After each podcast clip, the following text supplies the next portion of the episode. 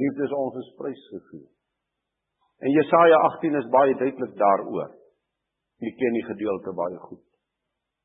Kom ons lees dit maar want hier is so baie wat die bandjies tog optel in die laaste tyd dat hulle dit maar sal hoor. Jesaja 18 die spesifieke profesie in in Jesaja vir Suid-Afrika en vir die wit volk in Suid-Afrika. Dan staan daar in vers 6 van 18: Hulle word almal saam oorgegee aan die roofvoëls van die berge en aan die wilde diere, aan die wilde wesens van die aarde as ek korrek sou vertaal. En die roofvoëls sal daarop somer deurbring en die wilde diere of die wilde wesens van die aarde sal daarop oorwinter. Dis is op die volk van Suid-Afrika, op die wit volk.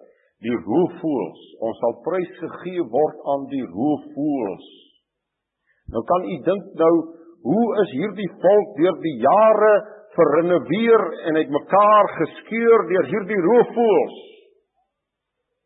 Want waar het die dood ingetree, geliefdes?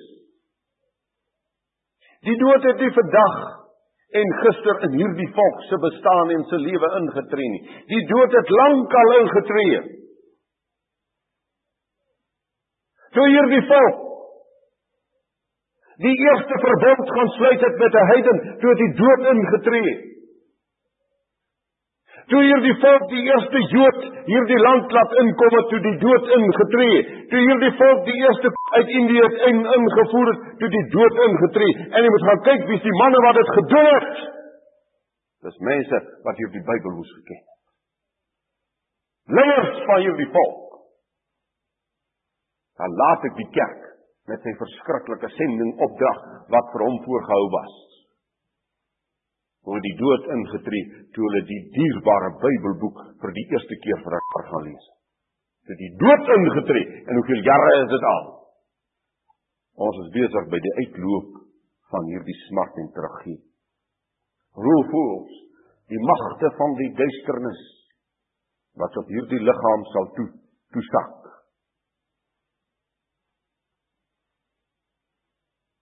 En jy lees mos wat gebeur. En jy moet nou kyk hoe doen hulle hierdie dinge. My volk gaan ondersoek mos niks, gaan toets mos niks. Hy hoor 'n woord en hy weet nie wat die woord beteken nie, maar hy gaan maar aan met sy woord. Dis privatisering en dis investering. Dis sommer sulke groot woorde wat gebruik word. En wat gebeur onder hierdie roofvoëls wat sulke groot name het? Alles aasvoëls, hierdie groot naam hierdie groot woorde wat u hoor. Dis aasvoël. Die taan was 'n aasvoël gewees. Privatisering is 'n aasvoël. Dis investering is 'n aasvoël. Dis aasvoëls wat saampak op 'n dooie liggaam. Want wat gebeur? Terwyl hierdie groot woorde gebruik word in hierdie land, hoë rentes, swak geldwaarde, duur produkte, ja, duur produkte nadat dit van die boer reeds weggeneem is,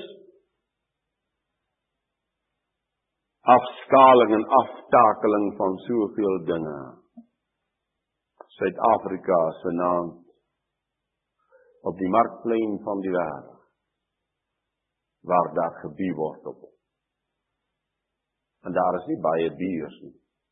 Want dis net Jode wat kan bied. En hulle klaar geonderhandel wat hulle sal aanbied as prys. 'n bankrot van die sien. En as dit nou maar net tydelike vernietiging was, geliefdes, as dit nou maar net my ou huisie is wat in mekaar val of my ou motorkar wat uitbrand of my plaas wat droog word en beeste wat vrek. As dit maar net tydelike vernietiging was, maar dis ewige vernietiging. Dis sielsvernietiging Let op wat het in die ooste gebeur. Kommunisme het geregeer vir baie jare. Nou dink die mense kommunisme is nou gebreek. Hy regeer nou nie meer vanaand in die oosterse wêreld nie. Dis strooi. Hy regeer nou eers.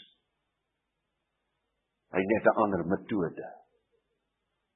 As jy terugkyk in die geskiedenis, dan sien jy vir 3 eeue word die teruggekeerde Israel vervolg. Keiser na keiser maak dood. En toe kom daar skielik 'n keiser en hy sê nee, hoekom sal ons hulle doodmaak? Kom ons vervals hulle net. Kom ons vervals net hulle Bybel. Kom ons vervals net hulle geloof. Ons vervals hulle net. Ons vat hulle saam met ons op die pad en ons maak hulle slawe van ons idees. Hoekom sal ons in oppositie met hulle wees? Wat dink jy gebeur in die ooste? Skielik is die hele ooste aan die brand. Kommunisme word op een oomblik verwerp. Dis net die grootste onsin wat jy nou kan aan glo dat dit nou waar word. Die wêreld raak nou Christelik in die ooste. Hulle verwerp nou kommunisme. Hulle hardloop rond met die duiwelse teken. Elkeen wat kan hou sy vingers so op. Maar wat openbaar hy hy openbaar dat hy die duiwelse vrede openbaar. Of weet jy nie wat beteken hierdie teken nie? Dis die bokop teken in die vrymesselary. Dis die bokop teken in die magte van die duisternis. Dis die sataniese teken. Kom ons boeke gaan oopmaak daaroor. Net 'n ander metode sodat die mag van die duisternis werklik kan regeer en kan heers oor die volkere wat oorheers moet word. Ek sê as dit net tydelik was. Maar 'n sielsvernietiging. Die godsdienst het so vals geword. Ek wil vir u sê die godsdienst van vandag met al hulle woorde wat hulle gebruik is 'n verskriklike asvoer.